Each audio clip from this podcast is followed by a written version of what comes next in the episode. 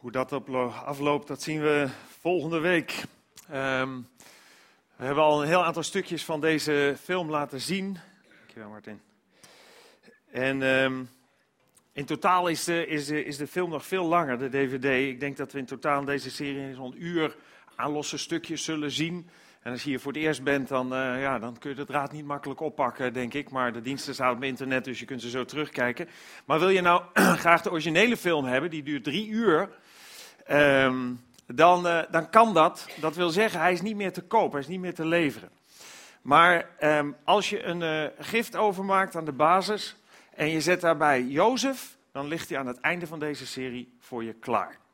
Um, binnen de kaders van Stichting Thuiskopie en nog een heleboel andere ingewikkelde juridische dingen, kan dat waarschijnlijk zonder dat we opgepakt worden samen. Um, dus als je wil hebben, maak even gift over, zet erbij Jozef en uh, dan krijg je die DVD aan het einde van deze serie.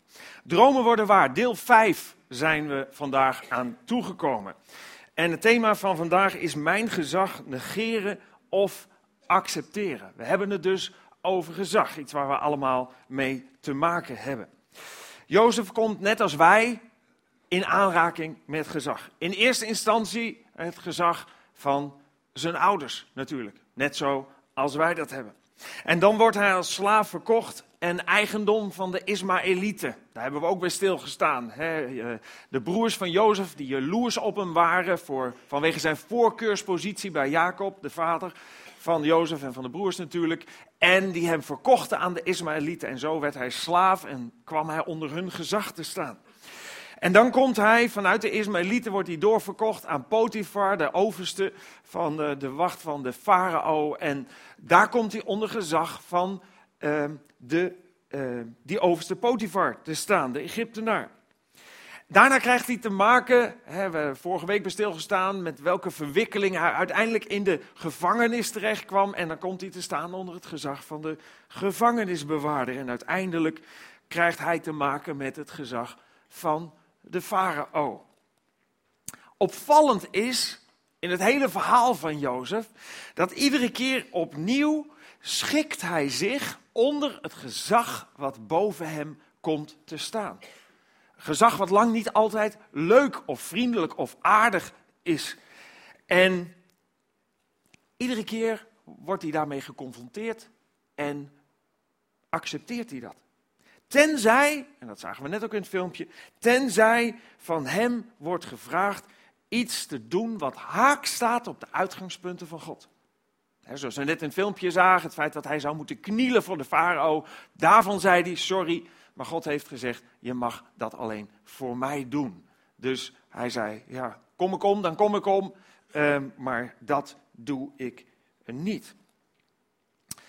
Ja, we hebben allemaal met gezag te maken zei ik net al, ouders, uh, leerkracht op school, politie. kan heel onplezierig zijn om dat gezag tegenover je te hebben. Uh, schoonmoeder. Ehm, eh, eh, nog een heleboel voorbeelden. We hebben allemaal te maken met gezag, soms fijn, soms minder fijn, soms plezierig en soms lastig. De eerste zonde die we in de Bijbel tegenkomen, is de opstand van Adam en Eva tegen het gezag van God. De opstand van Adam en Eva tegen het gezag van God. En daartoe werden ze aangemoedigd door wat wij in de Bijbel leren zien als de tegenstander van God. De verleiding van de Satan, zien we in de Bijbel, is altijd gericht op het ondermijnen van Gods gezag. Op het ondermijnen van zijn autoriteit en van zijn, van zijn uitgangspunten die hij gegeven heeft in de wereld waarin wij leven. Ja, je zou tegen me kunnen zeggen, ja, je hebt het over Gods gezag, maar waaraan ontleent God dan dat gezag? Het antwoord vind je in het eerste vers van de Bijbel. Daar staat, in het begin schiep God de hemel en de aarde. De schrijver van het eerste Bijbelboek zegt dat God de schepper, de maker is van hemel en aarde. En vervolgt te vertellen dat God ook de maker is van al het zichtbare, van al het onzichtbare. En dat hij ook de bron is van het leven. Dat is wat God volgens de Bijbel gezaghebbend maakt. En als God inderdaad schepper is, dat mogen we nog best even laten staan. Als God inderdaad schepper is, is het voor iedereen denk ik ook logisch dat hij rechtmatig gezaghebber is. En alles wat dan verder volgt in de Bijbel is in dat opzicht dan ook logisch. Het gevolg van Gods autoriteit, van Gods gezag. In Zwitserland is op 10 september 2008 de grootste deeltjesversneller tot nu toe in gebruik genomen. Misschien wel eens gelezen. Een enorme buis die helemaal rondloopt, 27 kilometer lang, waarin ze door het opwekken van magnetische velden hele kleine deeltjes die onzichtbaar zijn, maar alleen meetbaar zijn, rond laten tollen en op elkaar laten botsen. En daarbij staat het Europese onderzoeksinstituut CERN hoopt er de omstandigheden na te bootsen van vlak na de oerknal in het heelal.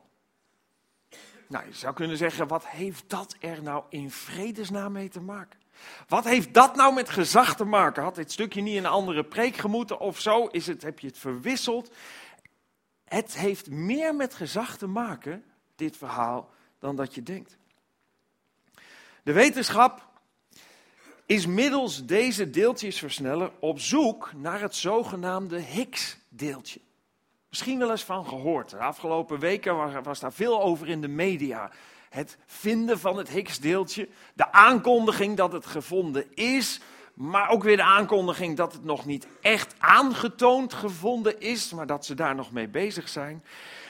Dat deeltje zou kunnen verklaren waarom materie massa heeft. Nou, ingewikkeld technisch verhaal waarbij ik ook bij de derde regel al helemaal afhaak, maar dat is waar men naar op zoek is. Maar niet alleen dat. Sommigen zeggen dat als dit deeltje wordt gevonden, dat dan het ontstaan van de wereld wetenschappelijk kan worden verklaard. En dat het bewijs dat de wereld door een oerknal ontstaan is, dichterbij is gekomen, zo niet is aangetoond. Tot nu toe is het ontstaan van de wereld niet wetenschappelijk bewezen, niet aangetoond. Er is heel veel aangetoond, er is heel veel ontdekt, maar niet het ontstaan van de wereld en het leven. En persoonlijk denk ik ook dat dat nooit gaat gebeuren. Alles wat over het ontstaan van de wereld gezegd wordt, is in wezen een uiting van geloof de Big Bang en de evolutietheorie. Hè, de, het idee, de gedachte dat er ooit iets kleins was. Sommigen zeggen zo klein als een stip op een vel papier. Wat uit elkaar geklapt is met enorme energie. En dat daardoor tijd en toeval uh, alles uit ontstaan is via de evolutie. Tot wat we nu zijn en wat we om ons heen zien. Die um, die dingen zijn een theorie, zo heet het ook. Je zou kunnen zeggen, dit is waar men in gelooft. Een heleboel op grond van dingen die geconstateerd worden en waarbij bepaalde beredeneringen terug in de tijd worden gemaakt, waardoor je zegt, nou, het zou zo kunnen zijn. Dat geldt ook voor de God als schepper-theorie.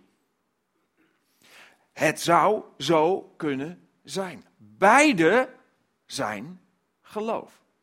Zowel die theorie van de Big Bang en de evolutie, als de theorie dat God schepper is.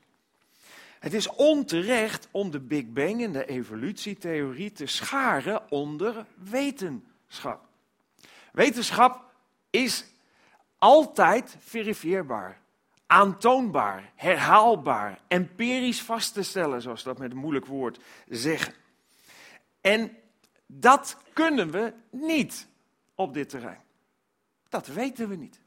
Dat geloven sommigen, anderen geloven wat anders. De ene gelooft dat het zo is ontstaan, de andere gelooft dat God de bron van het leven is. Dat er meer is tussen hemel en aarde dan alleen maar materie. Maar over het algemeen wordt juist wel die theorie uh, ongefundeerd geschaard onder wetenschap. En dat maakt het tot een rechtstreekse aanval op het geloof, mogelijk in het bestaan van God als schepper van hemel en aarde. Veel wetenschappers maken zich boos over de bijnaam van dat Higgs-deeltje. Wel eens gehoord, hoe heet dat Higgs-deeltje, die bijnaam? Ken je het? Goddeeltje, precies. De God particle. Het Goddeeltje. In een recent artikel in de National Post werd aandacht besteed aan die naam, Goddeeltje. In het verhaal stonden verschillende boze reacties van wetenschappers bij het horen van de naam Goddeeltje. Zelfs woedende reacties. Een iets mildere en meer diplomatieke reactie gaf de woordvoerder van de CERN, van dat onderzoeksinstituut. Hij zei: Het deeltje heeft natuurlijk niets met God te maken. Maar ik begrijp waarom mensen het zo noemen. Het Higgs-deeltje is cruciaal om de natuur te begrijpen. Heeft het deeltje niks met God te maken? Of mag het deeltje niets met God te maken hebben? En de zoektocht naar het ontstaan van het heelal is de zoektocht naar het, eh, naar het ontstaan van het heelal misschien ook wel een zoektocht om God als schepper, als wetgever, als autoriteit, als gezaghebber uit te sluiten. Ik heb niets tegen wetenschap. Kan er ontzettend van genieten. Ik hou ervan om wetenschappelijke bladen te lezen. Ik hou ervan om, om die ontdekkingen te lezen. Ik vind het geniaal wat mensen kunnen en wat ze bedenken en wat ze, en wat ze corrigeren en wat ze doen. Maar waar ik heel veel moeite mee heb, is dat wetenschappers hun geloof propaganderen als wetenschap. Als bewezen, als aangetoond. En daarmee, naar mijn idee, mensen afhouden van God of van de optie om over God na te denken. Omdat deze twee dingen dan haaks op elkaar komen te staan. Ik kan niet bewijzen dat God de schepper van hemel en aarde is en daar kom ik vooruit. Net zo min is er enig bewijs dat de hemel en de aarde en, en het heelal en alles waarneembare door een Big Bang of evolutie is ontstaan. Laat je niet misleiden. Er is geen enkel bewijs. Er zijn aannamen, prachtige programma's, prachtige animaties. National Geographic en Discovery en van allerlei bladen schrijven en van alles over en laten van alles zien. Er wordt wel van alles geclaimd, maar er is geen enkel verifieerbaar wetenschappelijk bewijs wat de bron van het leven werkelijk is. Ik las een interview van de Wageningse hoogleraar plantenfysiologie, professor Dr. Johan Bruinsma. Hij vindt dat de evolutietheorie, inclusief de Big Bang-theorie, een grote gatenkaas is. Van, van verschillende aannamen, van combinaties, van mogelijkheden, waarvan hij zegt, net als ik net zei, ieder bewijs ontbreekt. Op de vraag aan hem, maar hoe kan het dan dat wetenschappers nog steeds in de theorie geloven, antwoordde hij, omdat ze evolutionist zijn. Als je een theorie tot een geloof maakt, gaan allerlei onredelijke factoren een rol spelen. Niets voor, niet voor niets zijn er overtuigde evolutionisten als Dawkins, zijn overtuigde evolutionisten als Dawkins aperte bestrijders van het christendom. Er mag, er kan en er zal geen God zijn. Het evolutionisme is geen wetenschappelijk onderbouwde theorie, maar een ideologie. Waaruit alles wordt geïnterpreteerd. Bijzondere zinsnede. Er mag, er kan en er zal geen God zijn. Dat brengt hij naar voren als, als reden waarom zo naarstig wordt gezocht naar andere mogelijke bewijzen. En zelfs dingen worden vervalst, worden aangepast, worden gepresenteerd als wetenschappelijk, terwijl het dat niet is, om God buiten te sluiten. Als de wereld door tijd en toeval is ontstaan, dan zijn wij mensen autonoom. Dat woord gebruik ik wel vaker. Auto, vanzelf, nomos is wet. Dan zijn wij onszelf tot wet. Dan zijn we wetgevers zelf. Dan mogen we daadwerkelijk en kunnen we daadwerkelijk bepalen wat er gebeurt en wat niet. Maar als de wereld door toedoen van God ontstaan is, zoals de Bijbel claimt, dan is hij ook wetgever en gezag en autoriteit waar we wat mee moeten in ons leven. Daar kun je niet omheen als je tot de ontdekking zou komen dat dat waar is. En wat de Bijbel aangeeft, is dat het eigenlijk veel moeilijker is om niet in God te geloven dan om wel in God te geloven. Ik moet je ook zeggen dat ik blij ben dat ik vanuit de Bijbel het leven mag verklaren. Want ik vind het verschrikkelijk moeilijk, zo niet onmogelijk, om enige logica te zien in de verklaringen die ik soms hoor, waar er niets was en dat is ontploft, zoals ik laatst nog weer las. In het begin was er niets en dat is ontploft. In de Bijbel staat het volgende. God is wel onzichtbaar. Duidelijk, God is onzichtbaar. Maar zijn werk, alles wat hij heeft geschapen, heeft gemaakt, bewijst zijn eeuwige kracht. Want sinds het ontstaan van de wereld is zijn bestaan duidelijk te herkennen uit wat hij gemaakt heeft. Eigenlijk zegt de Bijbel, als je werkelijk kijkt naar de dingen om je heen. En we gaan meer en meer zien. Alleen al denkend over de, de onderzoek op gebied van DNA en dergelijke. Als je ziet hoe complex DNA is. Als je ziet hoeveel informatie DNA bevat. Van iemand gehoord die zei: als je, als je de informatie uit, uit één zo'n streng DNA zou, zou noteren in een boek, dan heb je daarvoor een stapel boeken nodig van hier tot aan de maan en dat 130 keer. Zo gigantisch veel informatie is er. Het bestaan van God wordt duidelijk door de schepping. Informatie, schoonheid, het onbegrijpelijke ervan, het mooie ervan. Dit gedeelte in de Bijbel zegt juist dat wat we in de Bijbel lezen ook niet opgespannen voet staat met de wetenschap. Daar ben ik ook van overtuigd dat er geen enkele wetenschappelijke ontdekking is die haak staat op bijbelse uitspraken. Nee, eerder zie je dat er dingen in de Bijbel geschreven worden die honderden, honderden, honderden jaren voordat het wetenschappelijk wordt aangetoond, al snel opgeschreven. bijvoorbeeld de hele waterhuishouding op deze wereld, hoe dat werkt, hoe de aarde eh, hoe dat verdampt, hoe het wolken worden, hoe het weer condenseert en wanneer valt, hoe die circulatie is. Als je het leuk vindt, zou je eens het boek moeten lezen van, uh, van Hoberink. Die uh, schreef uh, Wetenschap en de Bijbel. Er worden een hoop van dat soort voorbeelden ook naast elkaar genoemd. Ik denk dat de Bijbel nergens in strijd is met de ontdekkingen die we doen in de wetenschap. De eerste verse van de Bijbel staat dat lazen we net. In het begin schiep God de hemel en de aarde. Dat is de claim, claim van de Bijbel. De aarde nu was woest en leeg en duisternis lag over de watervloed. En de geest van God zweefde boven het water. En God zei, laat er licht zijn. En er was licht.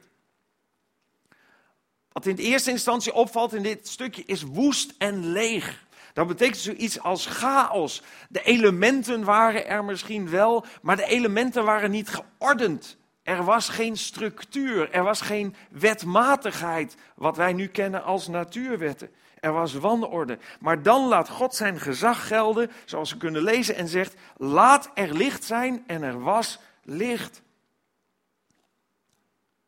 We weten wat licht is.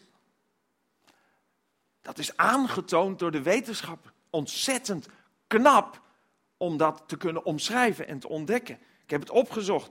Er staat, als atomen genoeg verhit worden of op een andere manier in een aangeslagen toestand terechtkomen, kunnen de buitenste elektronen, misschien een flashback van school vroeger, hè, protonen, neutronen, elektronen, kunnen de buitenste elektronen op een hoger energieniveau komen.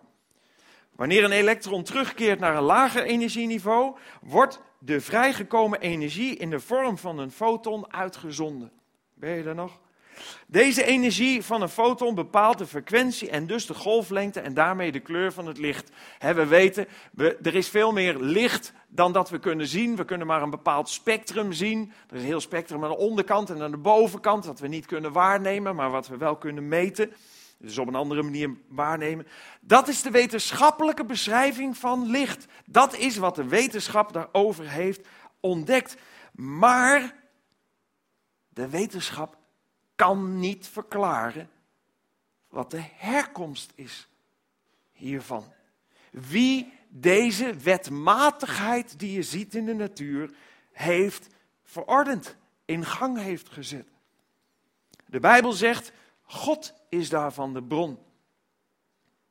Waarom wordt door de meeste wetenschappers dat juist ontkend? En moet dit ontstaan zijn in hun perceptie door toeval en tijd? Afgelopen week stond in de krant dat na 20 jaar onderzoek, 20 jaar onderzoek, door meer dan 100 wetenschappers het DNA van een varken in kaart is gebracht. Misschien heb je het wel gelezen. En de conclusie is getrokken dat het varken heel veel op de mens lijkt.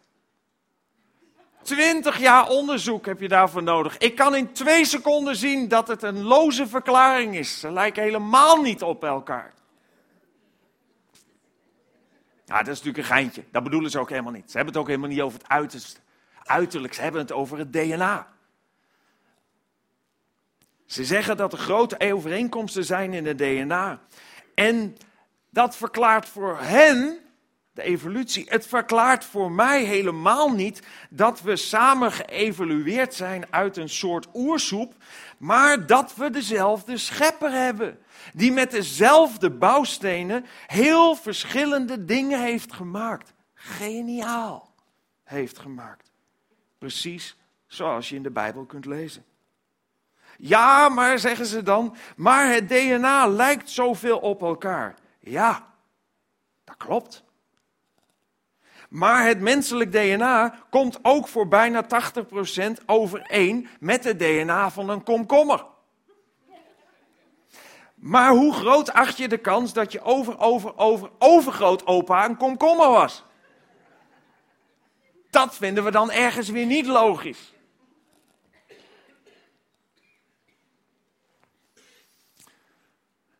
Zit er misschien inderdaad die drive achter om door bijna een rookgordijn op te trekken? Van onduidelijkheden, van vage, niet geverifieerde dingen die als waarheid worden getoond. Een rookgordijn wordt opgetrokken voor het zien van God en het aanvaarden van God als schepper. We lazen net God is wel onzichtbaar, maar zijn werk, alles wat hij heeft geschapen, bewijst zijn eeuwige kracht. Want sinds het ontstaan van de wereld is zijn bestaan duidelijk te herkennen uit wat hij gemaakt heeft. En die tekst gaat verder. Daarom hebben de mensen geen enkele verontschuldiging. Je kunt niet zeggen, ik heb het niet gewoest. Nee, de Bijbel zegt, je kon het weten, je kon het zien. God maakt zichzelf zichtbaar in zijn schepping. Sterker nog, je kunt er niet omheen. Als je er voor open wil staan dat het waar is. Daarom hebben de mensen geen enkele verontschuldiging. Hoewel de mensen in staat waren God te kennen, wilden ze hem niet de eer geven die hem toekomt en hem niet eens danken voor alles wat hij heeft gedaan. Waarom niet? Omdat we eigen baas willen zijn. Zij hielden zich met allerlei ideeën op. DNA en van alles en nog wat. Zij hielden zich met allerlei ideeën bezig. In hun verdwazing raakten zij het spoor bijster. Hoewel zij dachten dat ze alles wisten, waren ze in werkelijkheid dom. Kijk, ik wil niet zeggen dat wetenschappers domme mensen zijn. Het zijn hele intelligente mensen. Maar intelligentie en wijsheid zijn twee heel verschillende dingen. Iemand kan heel intelligent zijn, maar super domme dingen doen. Iemand, iemand kan weinig begaafd zijn en hele wijze beslissingen nemen.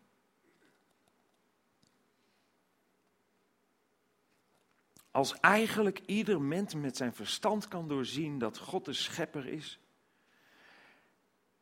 En dat God dan dus ook gezag heeft. Waarom willen we dat dan nog steeds negeren of zelfs ontkennen? Waarom is het zo moeilijk om dat te geloven? Omdat we ons hebben laten wijzen dat er een andere oorsprong van het leven is.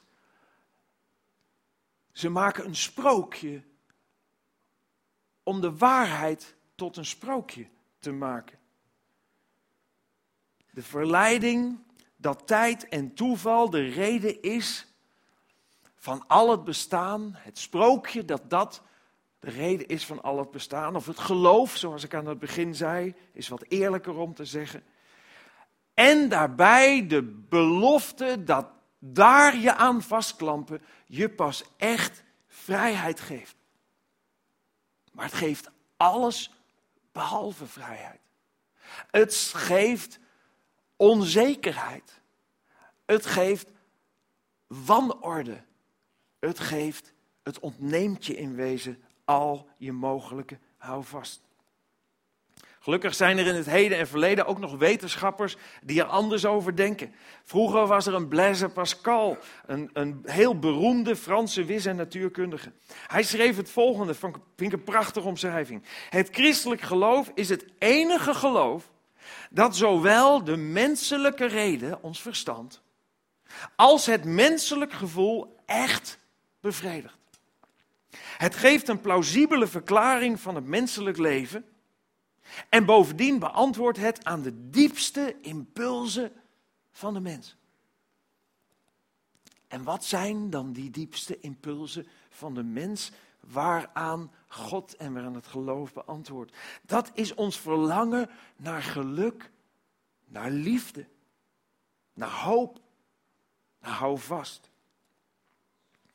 Dat verlangen proberen we vaak te bevredigen, ook omdat we daartoe verleid worden door zaken als geld en seks en schijnbare zekerheden en tijdelijk genot.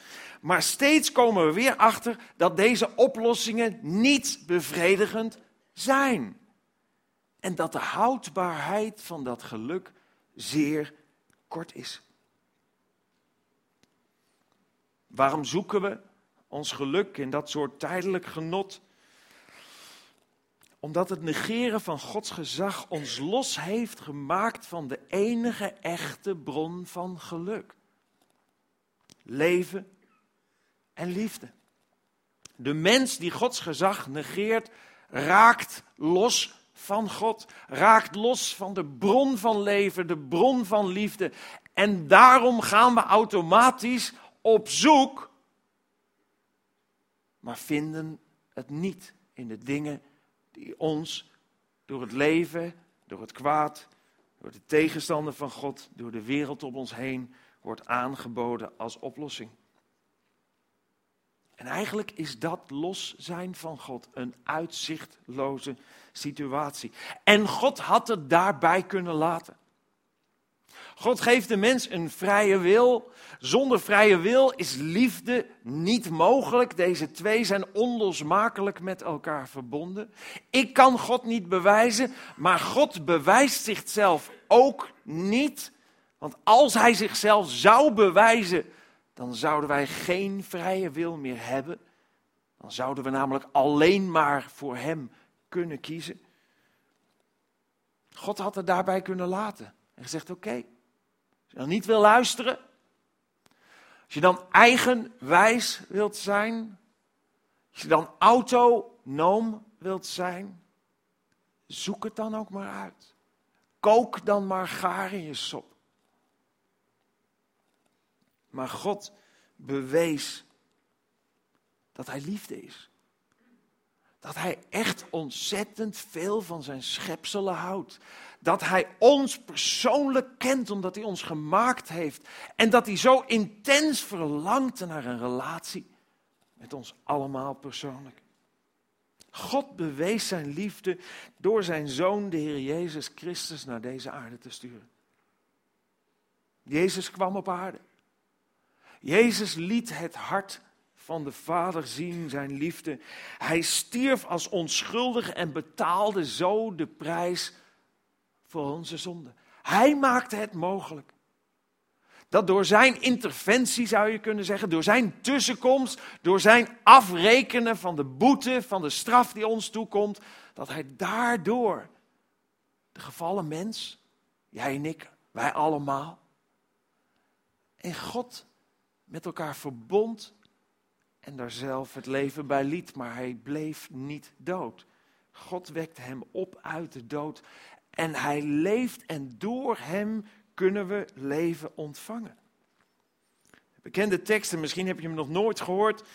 Want zo lief heeft God de wereld gehad dat hij zijn enige geboren zoon gegeven heeft, opdat ieder die in hem gelooft niet verloren gaat, maar eeuwig leven heeft. Dat is het verlangen wat God voor ons leven heeft. Dat we altijd met hem en bij hem zullen zijn. En de zegen die volgt op het aanvaarden van Gods gezag en autoriteit, die zegen heeft Jozef ervaren. De komende weken zullen we nog veel van Jozef zien. En steeds opnieuw zullen we weer ervaren dat deze keuze die Jozef maakt om zich te onderwerpen aan Gods gezag en aan al het gezag wat God stelt. Want God is het hoogste gezag, maar hij heeft ook gezag onder zich gesteld om het leven ordelijk te maken. Noemde al ouders, overheid, baas op je werk, noem allemaal maar op. We zullen zien dat Jozef door de aanvaarding van dat gezag van God gezegend wordt. Een zegen die ook voor ons allemaal, voor jou en mij, is weggelegd. Echt geluk, echte vrede, echte rust is weggelegd voor hen die zich aan Gods gezag willen onderwerpen. En als je dat ziet, dat was voor mij de trigger om uiteindelijk tot geloof te komen. Ik ging mensen zien, ik kwam in de omgeving van mensen die zoveel rust hadden en zoveel liefde uitdeelden en die zoveel hoop hadden, dat ik er stik jaloers op werd. En zo raakte ik geïnteresseerd in wat de bron daarvan was. En ging ik zien dat niet ik mijn eigen autoriteit was, maar dat God de autoriteit in mijn leven wilde zijn. Niet om het te onderdrukken, zoals wij in deze wereld autoriteit vaak gebruiken, maar om ons volledig tot ons recht te laten komen. Hij houdt van ons. De Bijbel zegt, niet iedere die tegen mij zegt, Heere, Heere, zal binnengaan in het koninkrijk der hemelen. Maar wie doet, maar wie de wil doet van mijn Vader, die in de hemelen is. Wat Jezus hier eigenlijk zegt is, het gaat er helemaal in eerste instantie zelfs niet om dat je op zondag naar de kerk gaat, dat je de Bijbel leest, dat je bidt en al dat soort dingen die je doet, die op zich allemaal goed en belangrijk zijn. In de eerste instantie zegt, het, zegt hij, niet die zulke dingen doen worden opnieuw met God verbonden en hebben leven in eeuwigheid. Maar zij die ervoor kiezen om de wil van God te doen. Zij die ervoor kiezen om Gods autoriteit onomstotelijk op de eerste plaats in hun leven te zetten. Dat brengt orde in je leven. Dat geeft de rust waar we zo naar verlangen. Dat geeft vrede in ons hart. Ik hoop dat als je dat nog nooit hebt ontdekt, dat je het zult gaan ontdekken door er eerlijk naar op zoek te gaan. God zegt, wie mij zoekt, zal mij vinden. Door het een kans te geven. Door die optie heel serieus in je leven te overwegen. En misschien wel zonder dat je weet wat je echt zegt. Te zeggen, Heer God, ik weet niet of u bestaat, of dat u niet bestaat. Maar als u bestaat, wilt u zich dan aan mij bekendmaken? Wilt u zich aan mij openbaren? We zullen bidden en danken. Dank u wel, Heere God, dat we van uw liefde zoveel kunnen lezen in uw woord in de Bijbel. Dat bijna op iedere bladzijde naar voren komt dat u van ons houdt, maar ook naar voren komt dat u de autoriteit bent. Dat u schepper bent. En dat u ons kaders en richting geeft voor ons leven. Niet om ons te beperken in onze vrijheid, maar om ons zoveel mogelijk veiligheid te bieden. Om ons dat te laten ervaren waar we het diepst naar verlangen. Onvoorwaardelijke liefde, geluk, vrede, hoop. Ik wil u zo bidden voor alle mensen die hier zitten. U kent ons hoofd voor hoofd. U heeft ons gemaakt. Daar ben ik van overtuigd. Ik wil u bidden, Heer, raak ons hart aan. Openbaar uzelf aan ons. Heer, dank u wel dat u uw zoon, de Heer Jezus Christus, naar deze wereld heeft gestuurd. En dat we door hem leven mogen ontvangen. Dat de verkeerde keuzes in ons leven, wat het ook geweest is, geen barrière voor u zijn. Om door uw zoon, de Jezus Christus, uw hand naar ons uit te strekken en te zeggen: Kom, ik hou van je. Ik ben voor jouw zonde gestorven. En ik verlang ernaar om een leven met je te delen. Ik verlang ernaar om geëerd te worden in jouw leven voor wie ik ben. En je ook dat te geven waar je het meest in je leven naar verlangt. Dank u wel, Heere God, dat u het geven wilt. Dank u wel dat u een liefdevolle vader bent die trouw is tot in eeuwigheid en nooit loslaat het werk wat u bent begonnen, ook in ons leven. Amen.